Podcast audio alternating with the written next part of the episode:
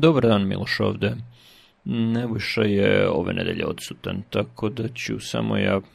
podeliti par razmišljanja ovako na samo intimno e, o stvari e, o kojoj znam da sa, nji, sa njim ne bih mogao da pričam e, bez poduže rasprave o tome šta je ironija, šta je sarkazam. Zato što smo imali te rasprave pre i Mislim da je to uh, jedna od redkih uh, naših rasprava koje je, u kojoj je on bio u pravu na kraju. Um, srećem, pošto ono ne sluša, ne mora da zna da sam priznao da je bio u pravu i ne moram sad da pričamo o čemu je tačna rasprava bila, ali uh, ne bih da se vraćam na to. Eh, htio bih da pričamo o sarkazmu, više nego ironiji, naročito o tome kako e, što sam stariji mislim da sve manje cenim sarkazam e, i mislim da naročito u poslednjih nekoliko godina i naročito na društvenim mrežama e, ga uopšte ne treba koristiti. Sarkazam je generalno oruđe mrzovoljnih tinejdžera da komentarišu svet oko sebe sada imam u porodici nekoga ko nije još tinejdžer, ali se ponaša kao da jeste i ona dosta koristi sarkazam i mislim simpatično je u početku kada dete od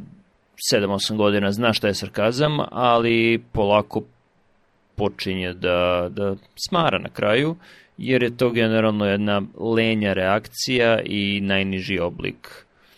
humora, kritike, komentara, e, čak i kada se koristi intimno. Naročito je loše koristiti ga u društvenim mrežama, jer, jer društvene mreže nemaju neophodne karakteristike za prepoznavanje i razumevanje sarkastičnih poruka. E, na društvenim mrežama ne znamo koji je kontekst neke rečenice,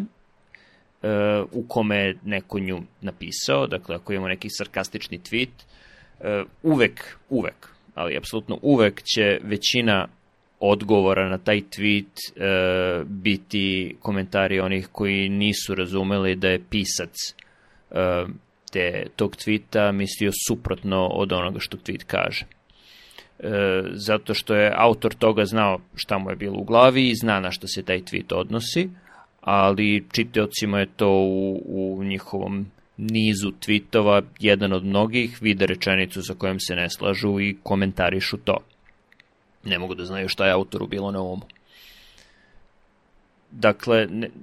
to je prva stvar, nema konteksta, druga stvar, to je jedan tweet u gomili, nema ljudske pažnje. E, tako da tako da ne trošimo generalno previše vremena na na čitanje i tumačenje tweetova, o tome smo najviše ja pričali dosta pre. I na kraju nedostaje dobre volje. Jer ako imate malo ljudi koji čitaju stvari koje pišete, obično su to ljudi koji vas dobro poznaju i znaju o čemu se radi, čim ono o čemu pišete vidi veći broj ljudi, e, ulazite u rizik da, da to čitaju, tumače, komentarišu i šire ljudi koji imaju loše namere. Loše za vas i vašu grupu ljudi, a dobre za ovu suprotnu grupu ljudi, to, njihovu grupu ljudi. To bih, vratio bih se na onaj tekst koji smo spominjali e, pre nekoliko meseci sada Venkate Šaraoa o, o borbama na internetu i bojnim poljima na internetu a i na sobstveni tekst postavit ću link ka njemu o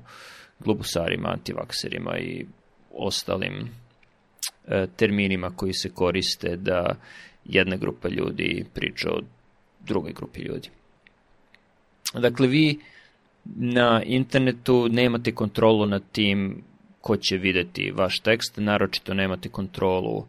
na Twitteru, e, gde, osim ako nemate privatan zaključen nalog, zaključan nalog, e, može da vidi ko hoće. I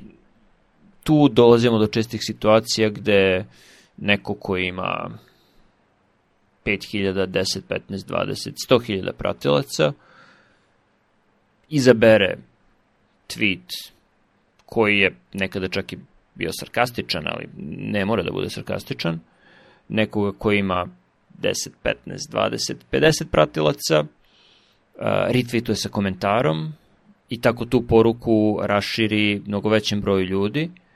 od kojih je većina maliciozna jer pripada onoj suprotnoj ekipi. Ne imate kontrolu nad time, opet osim ako ne zaključate nalog, ali imate kontrolu nad tim šta vaš tweet sadrži. Jer ako stavite nešto što je vi znate da je sarkastično i znate da se sa time ne slažete – i znate da neko ko ima dobru nameru i ko posveti malo pažnje čitanju ostalim vašim tweetovima, vaše biografije i drugim stvarima o vama, da, da će razumeti šta ste htjeli da kažete. Većina ostatka interneta nema tu dobru volju. Tako da se korišćenjem sarkazma na internetu izlažete prevelikom riziku. Sa druge strane, generalno u životu, sarkazam jednostavno nije dobro koristiti, jer, ajde da počnemo od onog para, paranoičnog, ne znate ko sluša, a sa druge strane, što ste više van škole, na poslu, u multikulturnom društvu, što je, nadam se, i Srbija, a definitivno Amerika jeste, čak i neko koji, sa kojim ste dobar poznanik, prijatelj,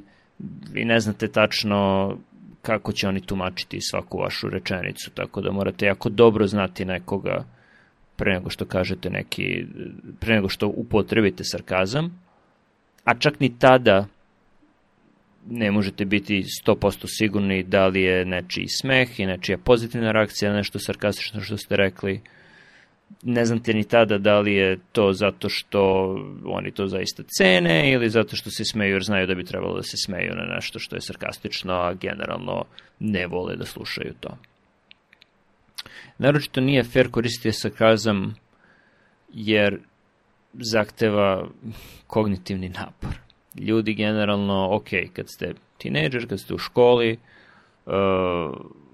ljudi smišljaju različite stvari da se kognitivno zabavljaju jer su uh,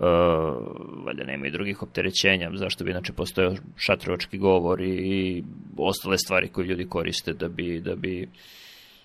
zauzimali mentalne kapacitete, ali kad dođete u određene godine, godine kojima se ja približavam, ako nisam već uveliko u njima, uh, i neke manje, manje kognitivno zahtevne stvari predstavljaju napor ako morate da razmišljate o mnogim drugim stvarima u isto vreme. Tako da tumačenje nečijeg sarkazma i razmišljanje o tome kako treba da reagujete na nešto što je neko rekao, um, smaram. Tako da ga